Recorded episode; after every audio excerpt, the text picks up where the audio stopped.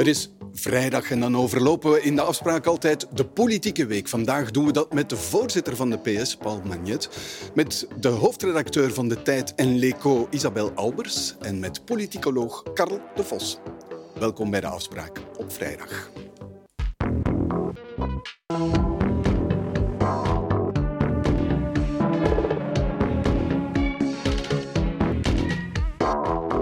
Goedenavond, meneer Magnet. Welkom. meneer De Vadder. Bedankt. Uh, onlangs een boek geschreven, La Vie Large is de titel. Um, wat betekent dat? Wij kennen dat eigenlijk niet. Waar, waarover gaat het? Dus een citaat van Jean Jaurès, de grote leider van de Franse Socialistische Partij, al in, 100 jaar geleden ongeveer.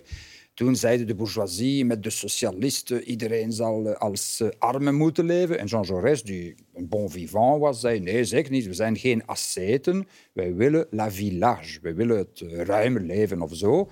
Dat betekent dat het, goede het leven socialisme ja. of klimaattransitie vandaag betekent niet dat wij uh, met alles moeten ons uh, ontzetten, maar dat wij la vie large mogen bouwen en dat uh, een klimaatneutrale maatschappij kan voor een groot meerderheid van, van, van onze maatschappij een betere, een aangenamere maatschappij zijn dan, dan, dan vandaag. Is dat een, een, laten we maar zeggen, een tegenzet tegenover het groene concept, waarin heel veel regels worden vaak naar voren geschoven van je moet het op die manier doen, op die manier doen, op die manier? We hebben wel regels en veel regels uh, nodig. Dus niet tegen een groene concept, maar misschien tegen een soort uh, bestraffend uh, ecologisch beleid. Als je zegt met klimaattransitie moet je nu geen vlees meer eten, geen vliegtuig nemen, niet meer op vakantie gaan, geen nieuwe kledingen kopen enzovoort en enzovoort.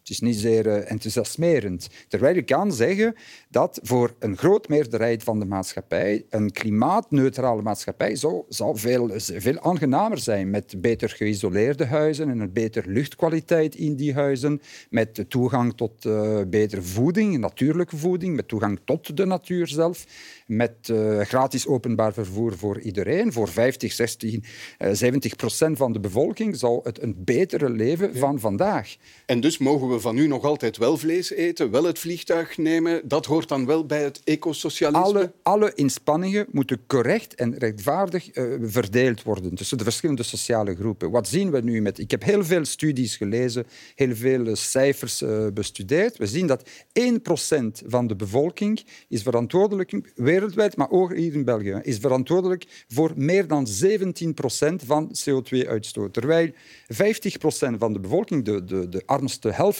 van, van de wereld, is verantwoordelijk voor alleen maar 12%. Dus 1% produceert, 1%, de rijkste 1% van, van de bevolking produceert meer CO2-uitstoot dan de, de armste helft van de bevolking. Er is daar een grondig en fundamenteel probleem van rechtvaardigheid. En dus je kan niet aan de mensen die het al vandaag moeilijk hebben zeggen je zal veel inspanningen moeten doen, je zal van het leven niet meer kunnen genieten, maar die rijke mensen kunnen nog een privéjet gebruiken, enorme huizen hebben en enzovoort en enzovoort. Nee, de inspanningen moeten correct en rechtvaardig uh, verdeeld worden tussen alle sociale groepen. Oké, okay. goedenavond. Dat betekent ook betere investeringen voor de mensen die, die het vandaag al uh, het moeilijk hebben. Moeilijk ja. hebben. Goedenavond, uh, Karel de Vos. Goedenavond, um, we kennen ecosocialisme niet in Vlaanderen, maar wel het verschil tussen hoe socialisten en groenen naar de klimaattransitie kijken. Dat kennen we wel, hè?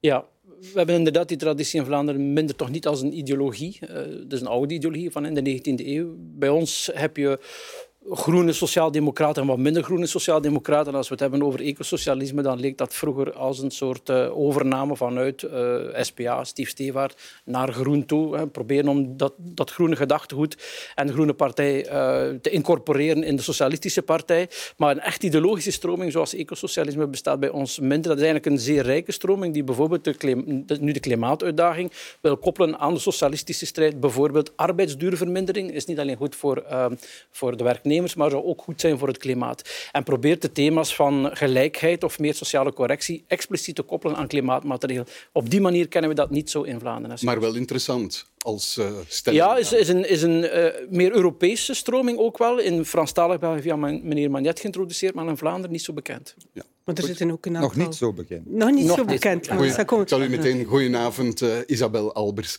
Dag Eh, meneer Van. Goedenavond. Um, Een ander thema in uh, Franstalig België, vooral aan, aan Waalse zijde, veel ophef over plezierreisjes in het Waalse parlement. Leg eens even ja, dat klopt. Het was ook een beetje la vie en large, maar la vie en xxx large, zou ik bijna zeggen.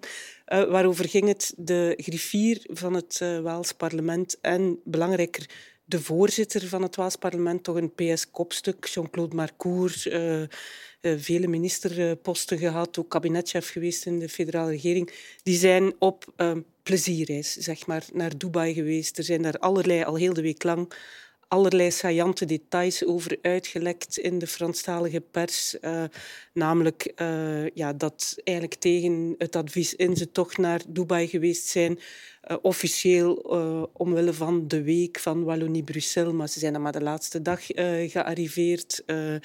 En dan het verslag over die reis was dan uh, een passage van, van vier lijnen en waarover, waar meneer Marcourt nog eens zijn beklag deed over het feit dat er geen VIP-lounge was. Uh, men heeft als huishoudelijk reglement dat men in economy moet uh, vliegen en het was een business class en zo verder. Enfin bref, een, een ja, een gebeurtenis, een event um, ja, die een beetje van, ik zou bijna zeggen, caviar-socialisme uh, getuigt. En die vooral komt op een moment dat uh, ja, mensen uh, zeggen, wat gebeurt er met mijn energiefactuur, ja. koopkracht. En het gaat over reisjes van 20.000 euro. Met die 20.000 euro, laten we ons niet populistisch doen, dat zal de begroting van het Waals gewest niet maken. Maar het gaat over het feit of men daar wel aanvoelt wat kan en of er geen verregaande normvervaging is. Ja. Meneer Magnet, um, daarnet uh, bij de RTBF ja, een aankondiging. U wil eigenlijk dat er gevolgen zijn, dat men zijn politieke verantwoordelijkheid neemt. Ja, het is, de reis is een element, maar het is één element van een veel ruimer probleem in Absoluut, het Vlaams parlement, ja. met ook uh, de kosten van, uh, van, de, van de hernieuwing van het gebouw van het parlement, die heel snel gestegen hebben zonder controle enzovoort. En enzovoort. En dus oorspronkelijk was het wel het probleem van de griffier, die u hebt het niet gezegd, mevrouw, mevrouw uh, uh, Albers, maar die een MR is. En, dus, en, die, uh, en die in termen van het management van zijn medewerkers, in termen van de controle van die kosten en enzovoort en enzovoort, heel veel fouten gemaakt heeft. En dus hij ja. heeft eh, bon, hij werkt niet meer in het parlement vandaag. Maar, maar er is wel maar een politieke verantwoordelijkheid. Er was, er was wel, dat denk ik wel, inderdaad. Het is niet alleen maar de griffier. De griffier was de eerste persoon die verantwoordelijk was voor de controle van die kosten. Maar er is, er is ook altijd in de politiek een politieke verantwoordelijkheid. En dus het bureau van het parlement is het orgaan die de griffier en de kosten en, en alle uitgaven van het parlement moet controleren. Dus het bureau kan uh, symbolisch, politiek uh, beschouwd worden als verantwoordelijk voor, voor die crisis. En ik denk dat het bureau zou zou uh, collectief ontslag moeten nemen om een nieuw bureau uh, op poten te zetten, met ook een opening naar, naar de oppositie en om met een nieuw bureau, een, een breder bureau, nieuwe regels uh, te nemen over al die, al die kosten, niet alleen maar reizen, maar van alle, alle kosten die met de manier van werken van het parlement want, in verband is. Want nu is het bureau twee mensen van de PS, twee mensen van de MR en eentje van Ecolo. Ja, op basis van een verdeling van de ja. tontregel. Uh, en u zegt, het... laten we de oppositie opnemen in het vernieuwde bureau? Zoals in het uh, federaal parlement bijvoorbeeld, of uh, denk ik ook in Vlaanderen. Ik ben niet uh, perfect op de hoogte, maar het zou denk ik gezonder zijn inderdaad om de oppositie en de meerderheid in het bureau te hebben van het parlement om alle kosten te controleren. We hebben al ook beslist dat het Rekenhof zal alle kosten van, van het Waals parlement beter controleren. En we hebben nu nieuwe regels nodig. Hè. Niemand van, voor alle duidelijkheid, iedereen heeft de regels gerespecteerd gerespecteerd. Maar de regels zijn veel te, zijn veel te ja, laag, zijn veel, veel om, te breed. dus we hebben nieuwe regels nodig. Nieuwe regels, eh, zeker in, in moeilijke omstandigheden zoals vandaag, als mevrouw Albers zegt, hè, omstandigheden van sociale en economische crisis. De politici moeten voorbeeldig zijn. En dus ja, ze moeten ook uh, soberder leren leven. De, zoals meneer, om meneer Di Rupo te citeren, de parvenus zijn er nog altijd niet uit. Nee, het is geen probleem van de parvenu. Het is een probleem van de publieke regels die niet sterk genoeg zijn, denk ik. Ja. Dat is iets anders dan de, dan de affaire van de jaren 90 of de, ja. de jaren 20. Er is, is, hier is alles legaal. Niemand, van, alle regels werden perfect gerespecteerd. Maar het kan legaal zijn en wel niet ethisch en niet politiek verstandig. Ja. En dus dat moet, uh, dat, dat moet veranderen. Maar het is al goed dat u reageert, want er is toch een aantal dagen op gewacht van wat doet de voorzitter van de PS. Uh, u een beetje de vlucht vooruit te nemen. Dat u zegt, ja, zou niet beter heel het bureau van het parlement uh, ontslag nemen? Niet ontslag uit de parlementaire functie, maar gewoon als bureau. Dat is ook een beetje symbolisch. Ja, daardoor leidt u een beetje de aandacht af van wie politiek verantwoordelijk is. Dat is de voorzitter van het Waals parlement, dat is uh, Jean-Claude Marcour. U zegt ja, maar het is collectief. Uh, dus ook de andere partijen. Het is toch meneer Marcour die die reis gedaan heeft. Um, en ik denk dat het waar is dat men uh, best eens alle regels van het huishoudelijk reglement van het parlement onder de loep neemt uh, en eigenlijk uh, ook voor het parlement zelf veel meer aandeugelijk bestuur doet. Maar het lijkt mij toch vooral de aandacht af te leiden van Marcour zelf. Gaat meneer Marcour blijven zitten of niet? Wij zullen zien. Ik heb mijn opinie gegeven. Ik denk dat het, uh, het bureau collectief uh, moet ontslag nemen en een nieuw bureau moet komen. En, en, dat moet het begin zijn van een nieuw verhaal met een versterking van al die regels. En dat is geen probleem van persoonlijkheden. Ik herhaal, alle regels werden perfect gerespecteerd. Maar het is niet altijd uh, genoeg in, in de politiek. In de ja. politiek moet je soms en heel vaak meer dan de regels doen. Het bureau, de voorzitter en alle on ondervoorzitters van het parlement, is het een goed signaal uh, om ja. dat ontslag nemen? Ik denk het wel. Ik denk dat het ook goed is dat de oppositie daarin opgenomen wordt het parlement, de wetgevende macht, eh, het bestuur daarvan, hoeft geen kopie te zijn van wie er op dat moment in de meerderheid in de regering zit. Mm -hmm. Het parlement staat los van de regering, moet die controleren. Dat is eigenlijk de eerste macht. Dus het lijkt me evident dat de weerspiegeling van dat beheer van het parlement, het bureau, dat daar ook alle fracties in vertegenwoordigd zijn. Dus ik vind dat een zeer goede maatregel. Maar ik denk dat het inderdaad niet alleen uh, mag stoppen bij uh, de vervanging van dat bureau, maar dat er dan ook effectief een, uh, ja, een, een, correctie van het reglement moet komen. Maar veel belangrijker, dat er een andere politieke cultuur moet ontstaan bij een aantal mensen. Ik denk dat daar de clue ligt. Je kan dat via reglementen proberen af te dwingen. Het idee is dat sommige mensen de politiek nog altijd niet begrepen hebben. En dat is trouwens niet alleen typisch voor het Waals parlement. Ik denk nee. als je een rondtour zou doen in nog andere parlementen of uh, kabinetten enzovoort, dat de speelzucht uh, niet overal verdwenen is en dat men werkt met belastingsgeld en dat niet alleen in deze tijden, maar dat men daar respectvol moet mee omgaan en dus veel zuiniger mee omspringen ja, we hebben, dan soms, een uh, Scandinavische politieke cultuur nodig. Ja, dat hebben we niet. Met dat hebben we niet. sterke regels, ja. Transparantie en alle politici ja, weten wat de regels zijn, weten dat er sterke controles zijn en anticiperen de mogelijke reacties en dan uh, ja, veranderen de, het behoud van... van En je moet tot de situatie komen waarin iemand mag voor, uh, ik zeg maar, 10.000 euro een buitenlandse reis maken, maar van zichzelf zegt, dit is ethisch. Allee, dat kan je niet maken, dat is belastingsgeld. Dat doe je gewoon niet. Daar moet je toe komen. Hè. Ja, maar voor mij moet er ook een discussie hebben, bijvoorbeeld, over de uitgaven propaganda op de sociale netwerken. Hè. Vlaams Belang, PTB geven Ja. elke dag Staat in het meer dan, regeerakkoord, hè, meer- dat al die, meer eh, dan al die 1000 euro per dag voor propaganda op de sociale je- netwerken. Eerst is dat een eh, je democratisch probleem. Dat, dat is een democratisch probleem. Er is in België een regelgeving over electorale eh, uitgaven in, in, in, tijden van campagne, maar de rest, eh, de rest van de tijd moet er ook eh, regels zijn. Maar ik ben blij dat u dat zegt, miljoenen meneer miljoenen euro publiek geld die naar die eh, Amerikaanse multinationals eh, Komen er nog voorstellen? worden. Dat moet ook veranderen. Dat is ook niet correct. Dus Kom- alle publiek, al, van publiek geld moet heel, heel... Het komt, eh, het komt aan bod volgende eh, week. De worden. experts hebben een verslag rond de partijfinanciering. Ja, kom- komt kom- het aan bod? komt- Gaat u ik Ik hoop, voorstellen ik hoop het wel. Ja, ja, Ja, maar- we, hebben, we hebben een wetsvoorstel al ingediend om, om, eh, om al die eh, publiciteit over, over de sociale netwerks dus, eh, simpelweg eh, niet mogelijk eh, meer te maken. hè. Laten we naar het eh, eh, onderwerp gaan. Want eh, de ministers van de regering De Croo met de premier op kop nemen zich voor om nog verschillende hervormingen door te voeren. En met nog een anderhalf jaar te gaan op de teller wil de regering de pensioenhervorming nog eens aanpassen en een aanzet geven voor een fiscale hervorming. Ik denk dat je op een bepaald moment, dat je na drie jaar eh, met mensen ehm, een, een gesprek moet kunnen voeren, zes maanden voor het verstrijken van de drie jaar, om nog een ultiem voorstel te doen. En als mensen dan zeggen dat ze niet willen ingaan op dat voorstel en niet wensen te werken, ja, dan heb je ook de stok, stok nodig en moet je kunnen zeggen aan die personen dat ze geen recht meer hebben op een Dat is niet voor CD&V. Gaan we mensen stimuleren om te gaan werken door op werklozen te stampen? Of gaan we dat doen door werkenden meer Stok en te wortel? doen? Ja, ik weet niet, ik ben daar niet van overtuigd. Er, Nee, zijn weinig, er zijn weinig modellen, dat zeg ik niet. Er zijn weinig modellen in de wereld waar gewoon werklozen pesten dat dat helpt. Franse werklozen steken de staatsgrens over om in West-Vlaanderen te werken.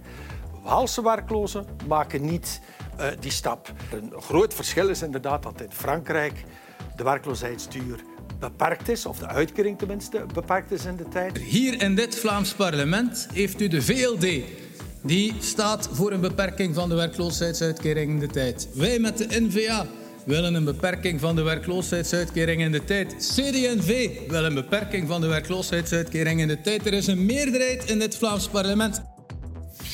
Ja, meneer Magnet, wat zegt u? CD&V zegt het nu ook. Laten we de werkloosheidsuitkeringen in de tijd beperken. Goed idee? Nee, geen goed idee. Ik vind dat een beetje raar, een beetje jammer.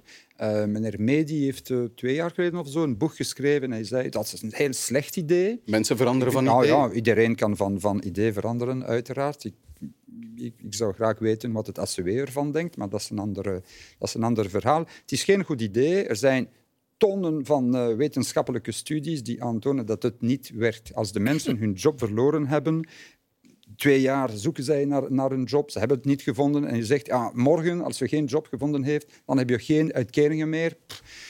Dat zal hen niet helpen, één. En twee, wat zullen zij doen? Ze zullen naar de OCMW's gaan. In België krijgt iemand toch iets om te kunnen overleven. Dus ze, zullen naar de OCMW's eh, gaan, daar toch geld krijgen. Geen begeleiding om een job te vinden, of veel minder begeleiding. En het is toch een soort eh, verborgen confederalisme. Vandaag de werkloosheidsuitkeringen worden door de federale uh, begroting betaald. Uh, als wij morgen zeggen nee, het, zal voor de OCMW zijn, maar het zijn de, de, de gemeenten die betalen en dus ook de regio's die, die, ja. die, die de gemeente financieren. Dus het is een soort allee, shift van de federale regering naar de gewesten en de gemeenten. En ik ben voor een sterke federale regering. Ik ben voor een sterke solidariteit tussen alle Belgen op federaal niveau. En dus zeker niet voor die soort verborgen confederalisme. Goed idee werkloosheid, werkloosheidsuitkeringen in de tijd beperken? De PS zegt nee. Het is niet alles zaligmakend, maar ik vind het wel de moeite waard om nu toch eens te gaan kijken. Niet alleen altijd alle redenen te vinden van waarom moeten we het niet doen. Wat gaan we nu wel doen om te activeren?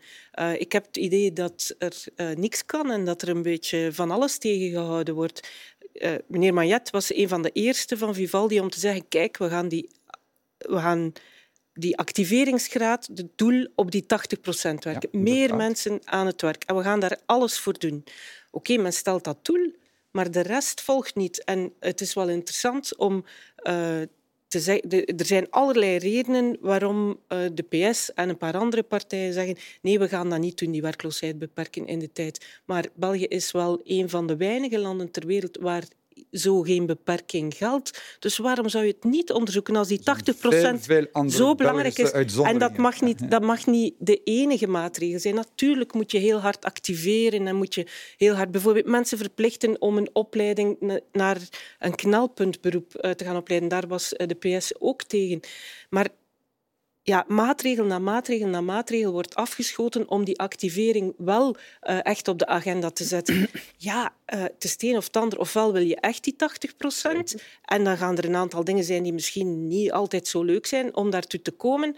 Ofwel is het voor de galerij dat je die 80 procent ja, wil. Het komt er niet. Hè. De PS zegt nee, nee dus het nee, betekent voilà. dat die maatregel niet, niet wordt allee, Het is niet in het regeerakkoord. Voilà, het en dus met de socialisten en ook met de groenen in de regering zal dat niet gebeuren. Nee. Punt. Voilà. Ik denk dat de bedoeling was van... Enfin, natuurlijk wil CD&V dat dan waarschijnlijk excuseer, realiseren, maar ik denk niet dat de hoofdbedoeling van CD&V is om dat nu te realiseren als je dat op die manier verklaart. Ik denk dat men ja, een bepaalde uh, profilering zocht via dat uh, voorstel, waar, waarin de partij trouwens zeer ongeloofwaardig is, want ze heeft altijd uh, het tegenovergestelde beweerd. Voilà. En het zou ook eigenlijk bij een goed werkend activeringsbeleid totaal geen, geen punt mogen zijn. We zouden daar niet eens moeten over discussiëren. Als een goed activeringsbeleid werkt, dat wil zeggen, mensen worden gevolgd, mensen worden gestimuleerd om werk te vinden, om opleidingen in taal te leren. Je houdt ze bij de hand en ze doen hun best en ze zijn paraat voor de arbeidsmarkt, dan kan die uitkering in de eindigheid blijven bestaan. Als maar het niet werkt... Als het niet werkt, dan is moet je, de vaststelling, het werkt ja, dus niet. Voilà, dan moet je vooral die activering verbeteren. En een van de dingen, uh, herinner ik mij, is de vraag van Vlaanderen om via asymmetrisch arbeidsmarktbeleid, dat ligt bij uw minister uh, De Remagne... Ik heb dat om, ook zelf voorgesteld. Voilà, om via, om via, maar ik, ik heb begrepen uit de discussie in het Vlaams parlement deze week daarover dat dat nog onvoldoende het geval is, dat Vlaanderen nog te weinig instrumenten heeft via dat asymmetrisch arbeidsmarktbeleid om die activering in Vlaanderen te verbeteren. En als je dat zou kunnen bereiken, bijvoorbeeld door dat debat over het einde van de werkloosheidsuitkering, dan hebben we weer gewonnen.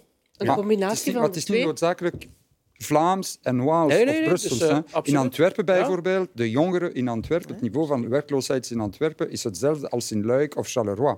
En dus je kan aan die jongeren zeggen, je moet een job vinden. Als je geen job vindt, dan krijg je geen uitkeringen meer en moet je Maar naar de wat- wat stelt u dan- Het zal niet werken. Er zijn geen job in, Wat, in wat, die- wat stelt u dan voor om die 80% veel, wel veel te andere halen? jobs. dingen. Er zijn veel andere dingen. jobs. Joe Biden zei, pay them more. Het is, de beste, het is de, beste antwoord. Dus zijn- betere lonen. Er zeker zijn toch de- vacatures Ja, er bij zijn de vacatures. maar het- duizenden? Vorig kwartaal 200.000 ja, maar er, er, er, er is geen, er is geen, eh, er is geen eh, harmonie tussen die vacature en eh, de competenties van de mensen, één. En twee, eh, het- de, de lonen zijn veel te vaak veel, veel te laag. Maar ik denk Eh, dat het zegt, belangrijk is om niet mensen- alleen op eh, de mensen- werklozen te, te richten. wij hebben min- minister, de Man- minister Pierre-Yves Dermagne de minimumloon al twee keer verhoogd. Dat zal zeker een rol gespeeld. Minimumloon had eh, voor twaalf jaar nooit eh, gestegen. Nu, nu, nu zal het wel is een stijgen grote- tot 24. grote dat is een eerste, dat eerste element. Aan Dat is een- inactieven, dat is, dat is een veel grotere groep dan alleen. er zijn veel de andere dingen. Bijvoorbeeld in België zijn er meer mensen die langdurige zieken zijn dan mensen in werkloosheid. Je moet die mensen Ah, wel, begeleiden. dat bedoel ik. Als burgemeester, meneer, meneer, meneer De Vos, zie ik vaak mensen die zeggen, die in mijn stad werken en voor mijn stad werken, die mij zeggen, maar ik ben nu ziek, officieel, ik kan niet meer werken, 100%, is zwart of wit, en ik zou nog graag één of twee dagen eh, komen Ja, maar werken. daar of kan ik kan, maatregelen ik kan mijn nemen, vorige job niet meer doen, eh, maar ik kan een ander job wel proberen doen. En dus, Dus moet je dat begeleiding van die flexibeler mensen- maken en misschien niet helemaal die precies wat wij met. Frank van den Broek doen. We zeggen naar die mensen, we, we, we willen, we willen niet weten wat jullie niet meer kunnen doen, we willen weten wat jullie nog kunnen doen. Op- en hoe is- met, met jullie een project kunnen bouwen om, om jullie eh, de mogelijkheid te geven om, om terug naar het werk. Misschien niet eh, 40 uur of, of 38 uur per week en misschien niet met hetzelfde job, maar een ander job en misschien minder eh, op basis van, van, van hun mogelijkheden. Van Opmerkelijk is, mogelijkheden. meneer Magnet zegt, de lonen zijn te laag. Dus verhoog de lonen. De, de, de laagste lonen zijn te laag. De laagste lonen Ja, zijn dus te laag. hij heeft, eh, of de regering heeft de minimumlonen eh, verhoogd. Er is iets voor te zeggen dat je het verschil tussen werken en niet werken eh, hoger maakt. Maar ik zou toch willen eh, eens benadrukken, ja, eh, de niet-actieven, de, de langdurig ziekten activeren, zeer goed. Maar is dat Maar- het probleem? Dat de, lonen, de laagste lonen te laag zijn? Moeten we daar dan meer op inzetten? Ja. Nog meer? Ja, men heeft nu net zo'n inspanning gedaan. Eh, ik denk dat dit al een hele grote stap is. Dus op zich is het, is het eh, de kloof tussen werken en niet werken iets hoger maken goed. Maar men heeft ook een aantal uitkeringen opgetrokken. Dus het gaat eigenlijk allemaal in de hoogte. Zo groot eh, is, het, is het verschil niet. Maar dat is absoluut niet het enige. Hè. Dus er zijn zoveel openstaande vacatures die niet ingevuld geraken. En het klopt niet, Niet dat, genoeg, dat, niet dat, dat meneer Magnet zegt van ja, maar er zijn geen jobs in die regio. Er zijn wel jobs en een beetje verder zijn er nog veel meer jobs. Maar men moet ook bepaalde taboes durven doorprikken. Zijnde, Zoals?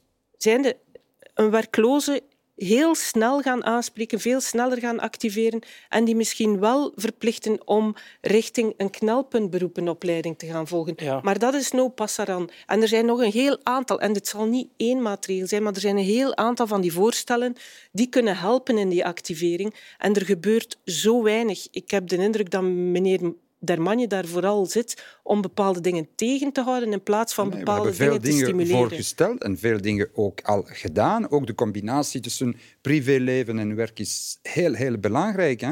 In, in, in de VS spreken zij van the growth, the big demission. Al die mensen die, al die mensen die, niet in Engels, al die mensen die na COVID in het bijzonder zeggen, mijn job is niet zo eh, spannend, ik wil niet, eh, hier niet meer werken, ik wil naar een nieuwe, meer interessant job vinden, ik wil, ik wil meer tijd hebben voor mijn gezin, voor mijn, eh, voor mijn vrienden enzovoort. Je moet ook eh, met, met die feiten rekening houden en een betere combinatie van privéleven Ja, en, maar en een van de voorbeelden van meneer. De Dus Nijs- ik ben het met u eens, dat zal niet één maatregel zijn. Je moet Ja. een reeks verschillende maatregelen eh, hebben. To- toch nog eens terug, meneer De Nijs zegt, ja, maar er komen meer Fransen in Vlaanderen werken dan er Walen in Vlaanderen Er komen zijn werken. ook veel meer Walen die in Vlaanderen werken dan Vlamingen die in Wallonië werken. Ja, maar het komt omdat het systeem Ja, maar in voor Frankrijk... fiscale redenen. Iedereen weet dat.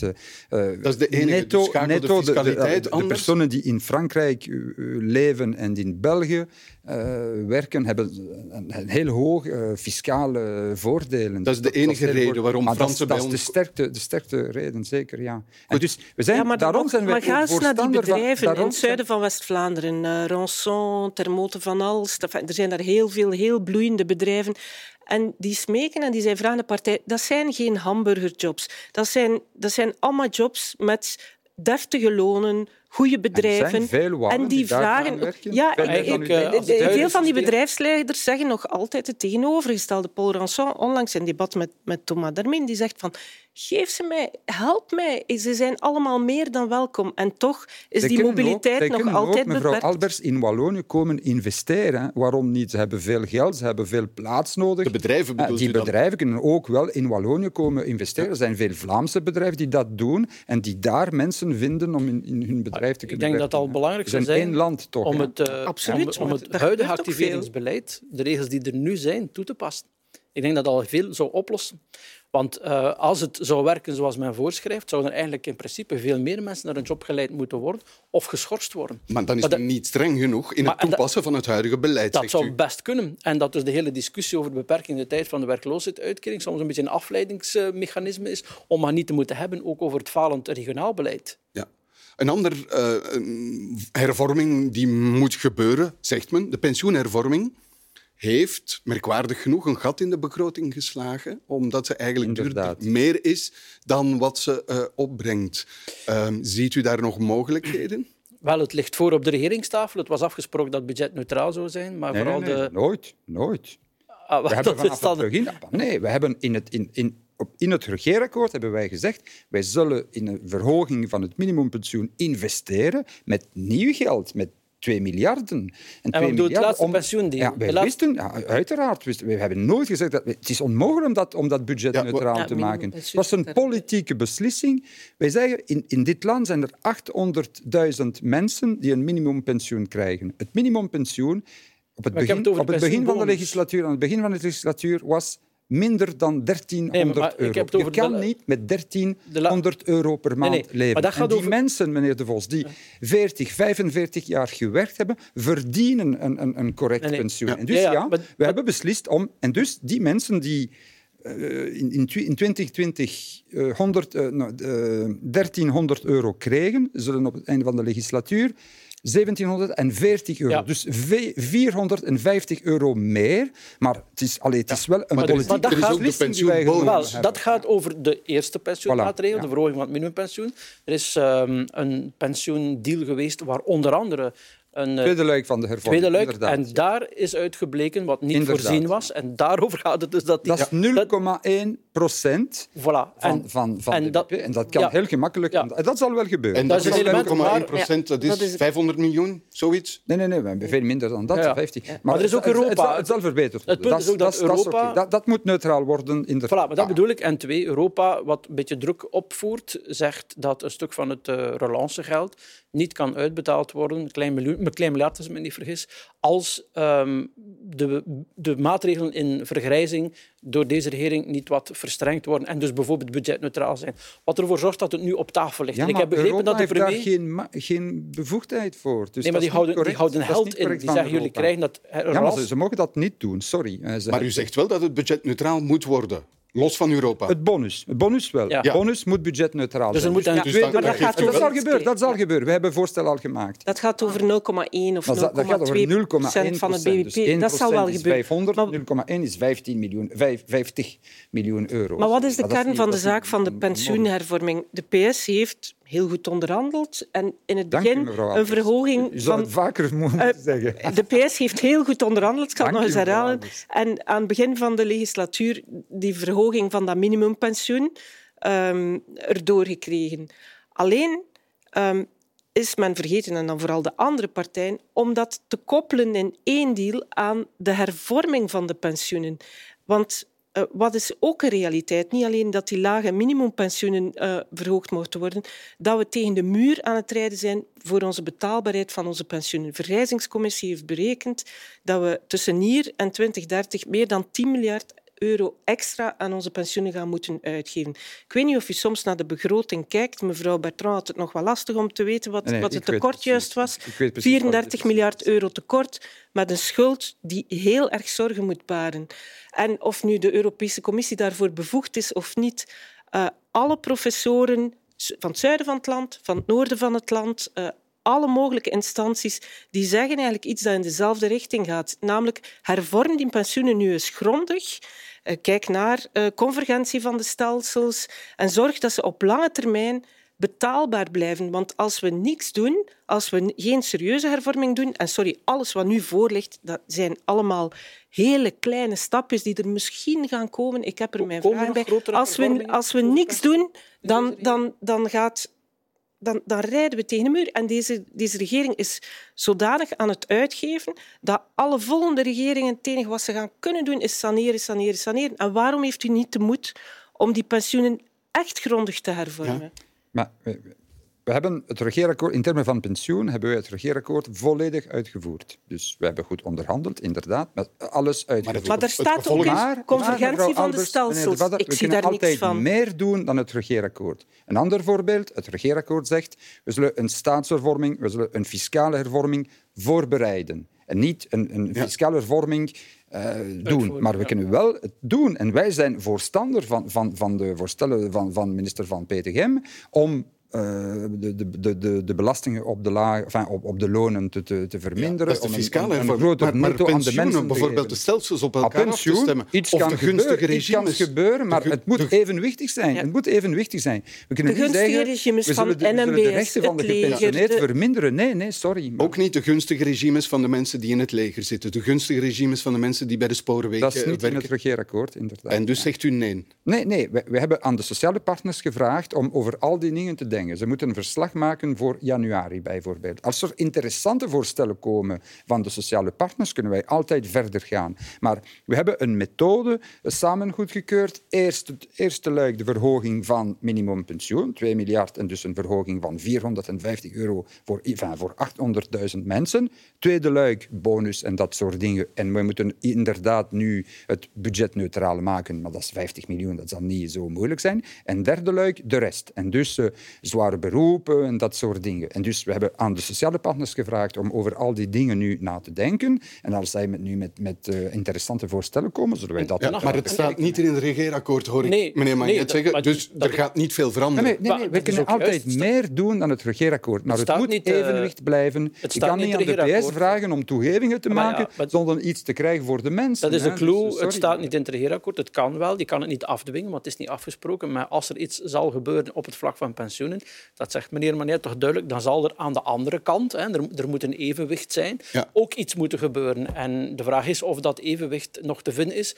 Er wordt gehoopt dat in aanloop naar eh, de begrotingscontrole van maart volgend jaar verschillende werven, pensioenen, fiscaliteit, sociaal energietarief, eh, begrotingscontrole, er misschien een, een groter sociaal-economisch akkoord mogelijk zou zijn, mogelijk. waarin dat evenwicht tussen allez, donnant, donnant, een stuk eh, pensioenhervorming dat voor u dan wat vervelend zou kunnen zijn, dat dat dan gecompenseerd wordt voor de PS door andere maatregelen, bijvoorbeeld in zaken fiscaliteit. Het is wel nog doenbaar, maar dan moet men daar wel in alle partijen voldoende openheid voor En hebben. voldoende En de politieke wil. En Absoluut, ja. En de begroting is de kind, of het kind van de rekening? Wel, de begroting is gemaakt voor twee jaar, 23, 24. Grote lijnen liggen vast. Maar bon, er zal een, de begrotingscontrole van eh, maart 23 en ik hoop ook de begrotingscontrole van oktober. hè. Nee, daar zal moeten ingegrepen worden. En dat, dat, dat creëert, bizar genoeg, wel mogelijkheden tot een compromis, omdat je heel veel dingen tegelijkertijd op tafel hebt liggen. En misschien ontstaat er een package deal uit die Dat ook is wel op- mogelijk. Ja,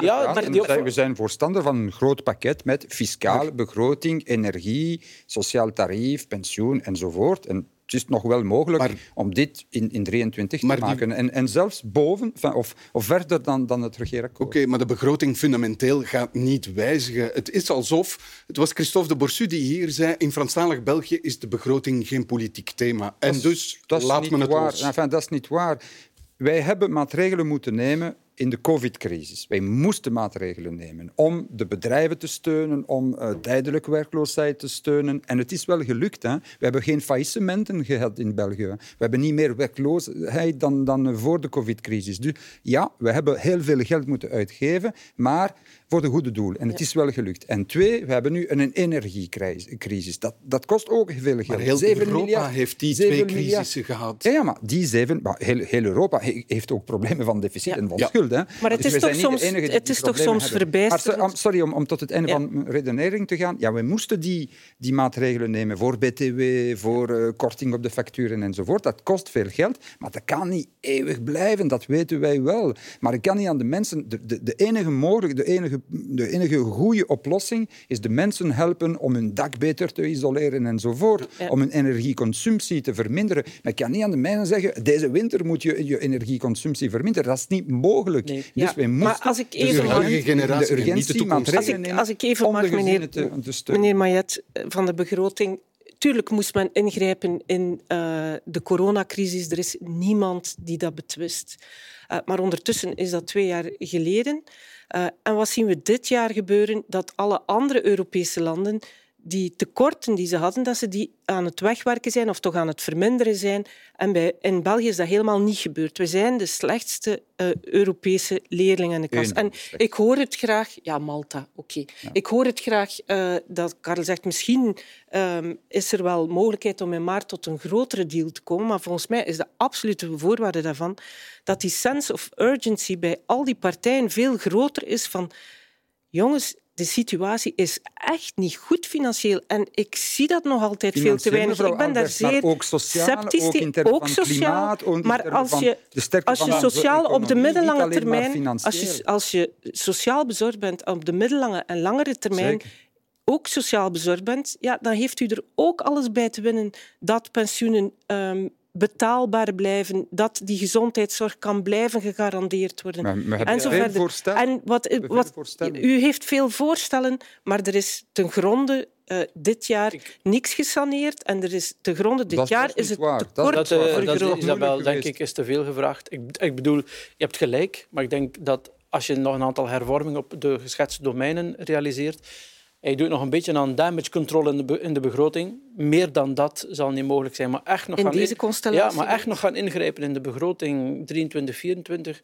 Dat kan niet maar niemand is... pleit voor snoeiharde besparingen, nee, dat... maar toch maar een beetje meer in controle houden dat dan wat er nu is. Nu is het gewoon het ontspeurt. Zelfs Paul de Grauwe, toch niet direct de meest rechtse econoom van het pak, is deze week aan de alarmbel gaan trekken. Senator, ja, maar u kent hem en u kent zijn evolutie, is deze week aan de alarmbel gaan trekken en zegt van kijk, die begroting ontspoort en er is echt een probleem in België en we moeten ingrijpen. Ook Paul de Grauw en vele, vele anderen.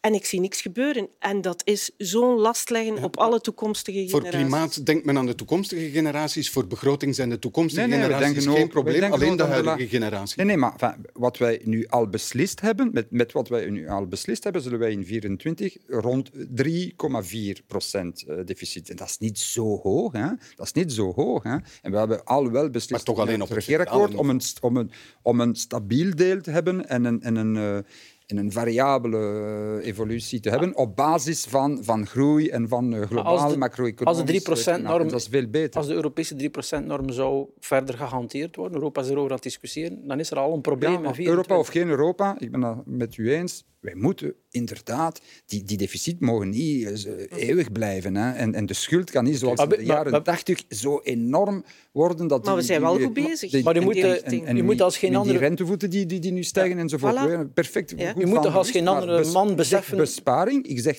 evenwicht. Besparing, maar mhm. ook uh, een betere bijdrage van de sterkste schouders. Nou, ze mogen hem wel betalen. En kijk, de CEO's vorig jaar hebben hun eigen lonen met 23 procent laten stijgen. Allee, die mensen kunnen nog een beetje een inspanning maken. Laten we naar een uh, volgend uh, thema gaan. Uh, want de verkiezingen van 2024 werpen toch stil aan hun schaduw vooruit. Partijen nemen posities in. Zo heeft de voorzitter van de NVA, Bart de Wever, laten weten dat het enige gesprek dat hij nog wil voeren met de PS, dat over het confederalisme is. En zonder dat confederalisme wil de Wever zelfs niet meer spreken over in een nieuwe rechtse regering te stappen.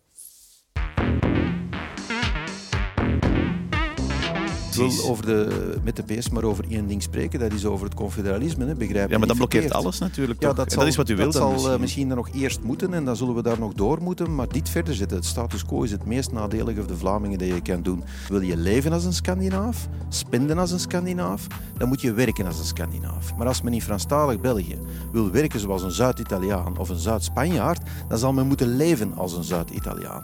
En die eh, waarheid zal men eens moeten aanvaarden. En dan kom je natuurlijk tot de crux. Er zijn zij de productieven die het geld op tafel leggen en je hebt de passieven die het geld verteren. En dat is niet gelijk verdeeld in dit land.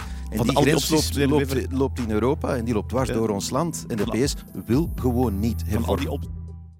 Ja, de PS wil niet hervormen, maar vooral, ik praat alleen nog met de PS over confederalisme. Wat is uw antwoord? Eerst over die karikatuur Italiaans, Scandinavisch, Noord, Zuid. Sorry, maar werkgelegenheidsgraad in Antwerpen is hetzelfde als in Charleroi. Voilà. En dus Wallonië, Vlaanderen, dat is niet zo, zo eenvoudig. En daarom is die confederaal, enfin, dit confederaal model heeft, heeft voor ons geen zin. En dus sorry, ik vind dat al een beetje raar. Eh, meneer De Wever is een zeer verstandig en zeer tactisch eh, politicus, maar als je zegt, ik wil met, eh, ik zoek naar, eh, ik, of ik kijk naar mijn, eh, mijn grootste politieke tegenstander als mijn laatste hoop, vind al, al- altijd een beetje raar. Dus we zullen zeker niet over confederalisme spreken. Enfin, zeker Gewoon niet. Maar, maar gewoon niet. Nee, sorry. Maar ik denk, we zullen eh, over, over, over een versterking van de federale regering, van de sociale zekerheid, van de solidariteit tussen alle Belgen wel willen praten, maar niet over het confederalisme. En hij weet het wel, dus ik begrijp zijn, zijn standpunt echt niet. Maakt hij een Maar fout, hij, meneer, allee, hij moet iets in hoofd hebben, maar eh, het is Maar- heel moeilijk te interpreteren. maakt meneer De Wever een fout? Nee, ik denk dat dat heel begrijpelijk is dat meneer De Wever dat voorlegt, dat confederalisme. Dat is ook een soort van ja, symbool van de grote ommekeer die hij wil uh, teweegbrengen. Dat gaat niet alleen over staatshervorming. Ehm, maar wat, wat ik dan wel interessant vind, en ik begrijp dat, uh, dat, dat u zegt nee, we gaan niet praten over confederalisme. Trouwens, dat is ook niet het academisch confederalisme wat meneer De Wever bedoelt. Hij bedoelt eigenlijk heel veel bevoegdheden aan de deelstaten en zo weinig mogelijk nog federaal. En ik kan begrijpen dat, dat daar op de reacties niet, dat doen we niet. De vraag is dan wel, hoe kunnen we vanaf 24 het dan wel oplossen? Ik heb in, in het, de vorige gespreksronde, als we zeggen er moet een hervorming komen op vlak van fiscaliteit, de pensioenen, de arbeidsmarkt, de begroting. Ik weet niet, uh, de, het palmares van deze regering en zoals het er voorbij jaren aan toe gaat, brengt sommigen tot de gedachte dat dat wel eens niet meer zou kunnen op Belgisch niveau. Dat dat zo vast draait de hele tijd, dat een federale regering die met zeven partijen dat moet oplossen, dat gewoon niet meer kan, omdat de ideologische breedte veel te groot is. En als dan het antwoord is nee, geen confederalisme of staatshervorming, wat is dan wel het antwoord? Ja, ik ben het met u eens, politieke fragmentatie is wel een probleem. Er zijn veel te veel partijen en er zijn veel, veel te veel stemmen die naar die extreempartijen gaan. Ja, en dus maar het is wel het de parlement zal realiteit. dus, ja, ja, het is wel de realiteit, maar zeggen er is een politieke fragmentatie op federaal niveau en dus moet u alles naar de gewesten overhevelen, is dat een beetje raar als logica. Er is, er is geen logica. Je zal, je zal de problemen van de federale regering niet met een, een, met een confederalisme oplossen. Wat doen we als alles blokkeert? Als de instellingen inderdaad niet meer kunnen Wij moeten, functioneren? over, wij moeten over de regels voor de vorming van de regering uh, praten. Er, is ook, er zijn ook uh, niet alleen maar academisch, maar ook een politieke discussie over al die dingen. Ja, inderdaad. Ik, om, om, om, de vorming van de regering in, in België... Ik hoor dat vaak zeggen, meneer Magnet, maar dat zal voor 24 waarschijnlijk niet meer tot wetgevend uh, initiatief leiden. En, Vermoed ik. Ja, waarom niet? Waarom niet? En wat zou dat dan zijn? Bijvoorbeeld dat je maar zes maanden ja, zoals, tijd krijgt? Zoals in Spanje, na, na zes maanden, ofwel enfin, in, in veel andere landen zijn, zijn er verschillende mogelijkheden. Na zes maanden nieuwe verkiezingen, dus veel druk op de partijen. Uh, of uh, na zes maanden kan je een minderheidsregering hebben, zoals in Spanje. En als je geen, geen meerderheid kan hebben, dan de minderheid die zijn verantwoordelijkheid wil nemen, kan wel Ja, regeren. maar u, zoals in Frankrijk vandaag. Hè. Meneer Macron heeft geen meerderheid. Hè. Hij, hij, hij, hij beheert zonder meerderheid, maar Bel het Frans uh, systeem maakt het mogelijk. Ja. Van de ene politicoloog tot de andere. Ja. Denkt u niet dat de kans zeer groot is dat in 2024 die hervormingen er niet zijn? Dat er geen nieuw kiesstelsel zal zijn? Ja, nee, nee. eh, Hervorming van politieke instellingen. Geen nieuwe regels rond de formatie, geen uh, nieuw kiesstelsel. Denkt u niet dat die kans groot is dat dat in 2024 niet zal bestaan? Nee, ik denk dat het wel mogelijk is. Iedereen is er goed van bewust dat er wel een probleem is met de regels van uh, regeringvorming in, in, in België. Dus waarom niet? Nee, ja. Maar is het, is het probleem daarmee opgelost als we de regels van de regeringsvorming bijvoorbeeld aanpakken? Is de blokkering gaat, dan vermeden? Dat gaat misschien een klein beetje meer druk zetten, maar een verandering ten gronde zie ik echt niet gebeuren ik ook niet. Uh, voor deze verkiezingen. En ja, het zou best eens kunnen dat we naar een hele moeilijke situatie gaan in 2024. Um, uh, ik hoor meneer Magnet zeggen, ja, misschien minderheidsregering, want kijk eens in Frankrijk en zo. Hij heeft ook onlangs uh, in een interview... een keer geprobeerd. In een interview uh, met onze krant gezegd van, kijk, ja, ik heb Vivaldi eigenlijk geconstrueerd ik heb in mijn gedachten een tien project. Dus dan, dan hoor je bijna van ja, als we kunnen, dan gaan we sowieso verder. Al dan niet met uh, meneer Magnet als premier, dat zullen we dan nog wel uh, zien.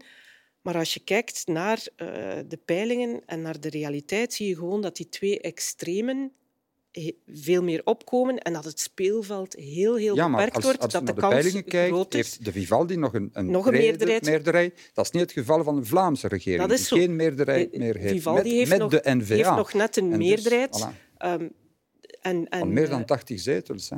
Ja, en, en men kan in principe, als, als uh, de peiling van vandaag zouden in 24 waarheden, kan men doordoen. Men heeft dan nog altijd geen meerderheid ah. in Vlaanderen en, en het blijft ook vastzitten, want die Vivaldi... Maar met vooruit, met vooruit wordt het mogelijk. Met vooruit, uh, gaat, maar die Vivaldi-regering kan nu al geen hervormingen doen, dus waarom zal ze dat dan wel kunnen doen in 24? Daar stel ik mij toch heel veel meneer, vragen bij. Meneer De Vos, want... Um, Denkt u dat het makkelijker zal zijn met de N-VA? De peiling toont ook aan dat wel eens een meerderheid zou kunnen ontstaan op Vlaams niveau tussen de partijen N-VA en Vlaams Belang. Die mogelijkheid dient zich aan. Als N-VA goed genoeg scoort, tenminste. Vroeger zeiden we als Vlaams Belang goed genoeg scoort, maar tegenwoordig moeten we zeggen als uh, N-VA goed genoeg scoort. Uh, dat, dat is niet uitgesloten, maar ik vermoed dat uh, als N-VA ambities geeft voor het confederalisme of staatshervorming of wat dan ook op federaal niveau te doen, dat van zodra die partij een akkoord zou sluiten, misschien ook lokaal met het Vlaams Belang, dat het uh, waarschijnlijk voor de PS uh, game over is voor ja, elk zeker, gesprek. Zeker. Uh, voilà, dus ook, ook, cordon dus, sanitair moet, moet ja, blijven. Maar ook op lokaal vlak. Ook indien er in een gemeente een... een... Ja, gaat u zo maar ver... de, de, lokale verkiezingen zullen na de ja, federale... Maar, maar, dan, maar dan is de federale regering nog niet gevormd, meneer Magnet. Maar, ja, ik hoop is, dat is dat zal niet zo... gebeuren. Ik, ja. hoop, ik hoop wel dat dat zal niet gebeuren. Zeker op Vlaams u, niveau. We praten niet meer met de N-VA wanneer ze, zelfs lokaal, een akkoord zouden sluiten met Vlaams Belang? Ik hoop dat de N-VA geen akkoord zal maken maar op stel... lokale, regionale... Oké, okay, maar u, uh, u, u, antwoordt, u ontwijkt de vraag. Zegt u, cordon praat... sanitair is cordon sanitair, dat moet absoluut zijn. Ja, anders heeft, heeft het geen En dan praat u inderdaad. niet meer met de NVA als het cordon wordt doorbroken door de NVA? Ja. Ja. Dat is dan, dan, dan praat u niet meneer meer. Rousseau ook zegt. Nee, maar bon, ik hoop echt wel dat dat zal niet gebeuren. Dat zou ook voor Vlaanderen een nachtmerrie zijn in termen van Dus- internationale wil u- en- reputatie. Kijk, Zweden vandaag, kijk, Italië vandaag. Wil Vlaanderen de volgende Italië zijn met een, met een neofasciste regering zijn, met de, allee, de schade in termen van internationale imago voor, en ook voor de bedrijven enzovoort. Bon, voilà, goed luck, maar eh, in elk geval zal dat nooit op federaal niveau gebeuren. Hè. Er zal nooit een Franstalige partij, zeggen niet de PS, eh, zijn die, eh, die, die met het Vlaamse Lang zal gaan praten. Nee, maar de vraag is, nogmaals, stel dat dat gebeurt op het Vlaamse niveau, is de NVA nog welkom op het federale Op het niveau? Vlaams niveau zeker niet en op lokaal niveau ook niet. Om duidelijk Oké. te zijn. Ik had het Duidelijk. nog Ja, maar daar dus, dus maar de, de, de vraag, hè, kan er een meerderheid gevormd worden? Als die gevormd wordt, dan zijn de federale ambities van, eh, van N-VA natuurlijk bij deze afgelopen. Dus dan is de blokkering compleet op dat Dan moment. is, eh, ja, tezij natuurlijk, eh, zoals meneer uh, Magnet zegt, ja, als Vivaldi de meerderheid behoudt, dan is dat de, de enige, enige mogelijkheid die er nog is.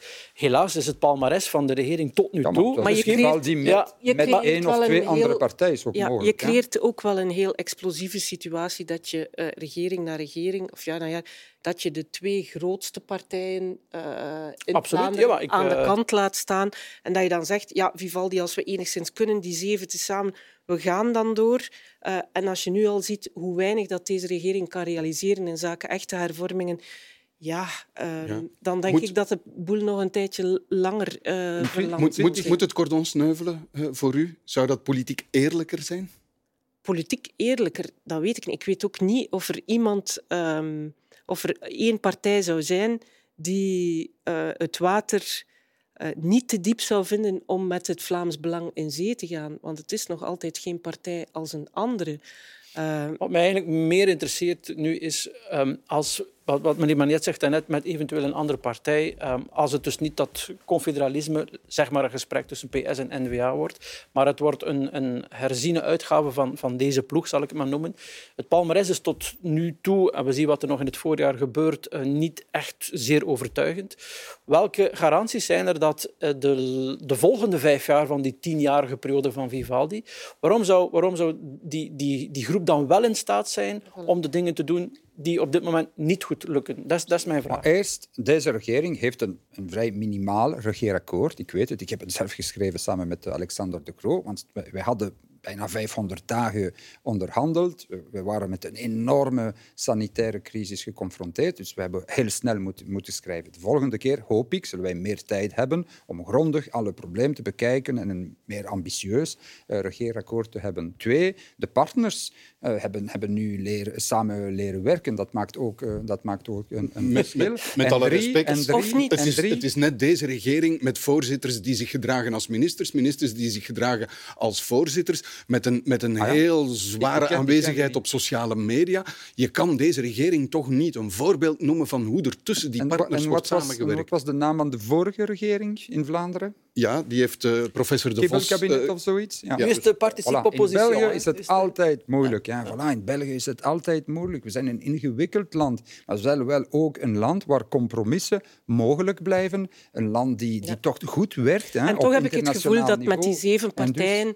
Uh, ja, we zitten echt op de limiet van wat nog mogelijk is. Dat met zeven partijen samen er alsmaar minder mogelijkheid mogelijk is, terwijl de urgentie om echt dingen te doen, om echt een keer rond tafel te gaan zitten en uw kerntaken te definiëren en echt te zeggen, de situatie is niet rooskleurig, wat gaan we doen?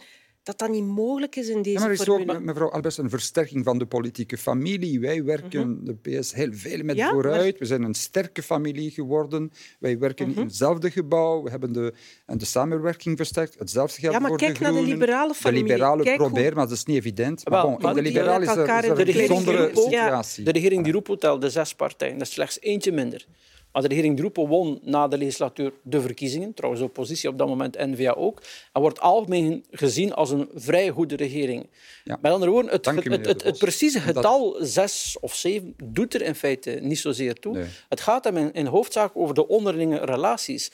Maar de geschiedenis van Vivaldi tot nu toe brengt op dat vlak weinig optimisme dat het de volgende keer... En, en het is de vraag, hoe, hoe kunnen we ervoor zorgen, als Vivaldi dan de uitkomst zou zijn, dat we niet hervallen in wat er de voorbije Wij jaren is de, gebeurd. we hadden de, de Di Rupo-regering moeten verlengen. Uh, en, hij had, en hij had de regering, eh, de, de Ja, maar dat is verkiezingen nu al gewonnen. een hele hè. tijd de geleden. Was bedoel- de grootste partij. Ze hebben ons aan de kant gelaten. Dus, bon, voilà. Maar het was inderdaad een hele goede regering. Dank u om dat uh, te herhalen. Wat ziet u dan als mogelijkheid? Ik bedoel, Vivaldi doorzetten? Nee. Ja, de blokkering ook niet. Wat, wat kunnen Ja, we dan nog? Ik zou toch eerst zeggen, het is een cliché als een huis. Laat ons eens goed kijken naar hoe de zetelverdeling dan zal zijn en naar wat er echt mogelijk is. Uh, en, en dan zullen we moeten zien dat de hoop die er zou kunnen zijn, is dat uh, die sense of urgency van een aantal hervormingen die moeten gebeuren, en waarover iedereen het eigenlijk eens zou moeten zijn Ja, van in welke richting het uitgaat, dat men dat beter beseft en dat men een groot akkoord schrijft en daar rond, daar rond een regering Er is nog een andere lezing, namelijk dat meneer Magnet op dit moment niet kan zeggen dat hij bereid zou zijn in 2024 om, Om met, eh, ja, niet alleen premier te worden, om wel met N-VA te praten. Eh, morgen verschijnt er een interview, het laatste nieuws, met, met meneer De Wever, waarin hij onder andere zegt dat u in 2019 bij de onderhandeling wel heel ver wou gaan. Eh, ook verder dan hij soms wou gaan. Met andere woorden, dat er in de partij, in de partij een zekere eh, bereidheid was, de PS een bereidheid We was om ver, om ver te gaan. confederaal systeem willen- En- willen en dat dat misschien in onderhandelen. 2024 We willen dat wel opnieuw zou gebeuren. Nee, we zullen dat nooit doen. En zal nooit met persoonlijke ambities voor... nee, niet voor, voor persoonlijk de doelen van de partij, de PS misschien- Ik zal dat nooit doen. Ik Nee, heb nee, dat in 2019 niet gedaan. Hè. Ik, had, ik had het kunnen vragen. Ik Niet heb, uw persoonlijke ambitie, maar de gelaten PS om... Allee, omwille van het feit dat er geen meerderheid in de, in de regering was en om Vlaanderen, om, om te, iedereen zei, ah ja, als er geen Vlaamse, en u had het zelf geschreven, mevrouw Albers, als, uh, als er een Franstalige premier komt, dan de N-VA en de VLD zullen, en de, sorry, de N-VA en het Vlaams Niet Belang dat, zullen een eh, meerderheid kunnen hebben. Voilà, we hebben een Vlaamse premier en we hebben toch het Vlaams Belang uh, eerst in de pijn. ik heb het niet over uw persoonlijke ambitie. NVA, dus heb... dat maakt geen groot verschil, maar bon, voilà. Ik heb Dat toen- historische akkoord waar meneer De Wever altijd naar verwijst, dat Het sluit is nooit u een ook akkoord uit. geweest. Nee, Het was een, het, allee, het was, maar eh, in 2024 sluit u dat ook uit? We we noemen het nu eens niet confederalisme, maar dat historische Een akkoord. dat staatshervorming. is geen historisch akkoord. Het was, allee, het was poging Nee, maar tot dat is staatshervorming. in Houttafel en- 20- in en- Ja, jullie zijn 2024 wel ver gegaan. Hè? Nee, een nee, maar grote staatshervorming met de het, het was NVA. interessant voor mij een stap om dan naar andere partijen te gaan ook, en te kunnen zeggen, kijk, de N-VA is bereid om dit en dit en dit te doen in termen van pensioenen. U hebt hem gebruikt eigenlijk. Ik heb hem niet gebruikt, maar bon, in de politiek moet je... Moet je Maar zo'n klassieke om deal, er is natuurlijk geen geld meer, maar bon, zo zal het waarschijnlijk moeten werken. Financiering en bevoegdheden, zo'n uitruil. Zou dat niet meer Nee, ik denk zijn? dat de, de gewesten vandaag genoeg bevoegdheden hebben. Genoeg bevoegdheden hebben. We, hebben ze- we moeten die bevoegdheden beter gebruiken. We moeten soms ook meer asymmetrisch werken. Ik ben dat volledig akkoord. Maar niet noodzakelijk Noord-Zuid, maar op basis van de lokale realiteit moeten wij... En dat geldt ook aan de Franstalige kant. En bijvoorbeeld de Franse gemeenschap. We hebben één beleid voor Brussel, Wallonië, Zuid-Wallonië, de Ardennen en Charleroi en Luik. Dat werkt niet goed. Wij moeten van die lokale realiteit beter rekening houden. Dat geldt ook voor federaal beleid. Dat is geen probleem van uh, overheveling van de, van, van de bevoegdheid. Dat zal niets opslo- oplossen. Goed, dat is het einde van deze afspraak op vrijdag. En daarmee is weer een politieke week netjes neergelegd. En zoals altijd dank ik mijn gasten voor de deskundige hulp daarbij. Paul Magnet, Dank. Isabel Albert. Albers Liever en Karel de Vos. En u, dames en heren. Dank dat u erbij was. En tot volgende week.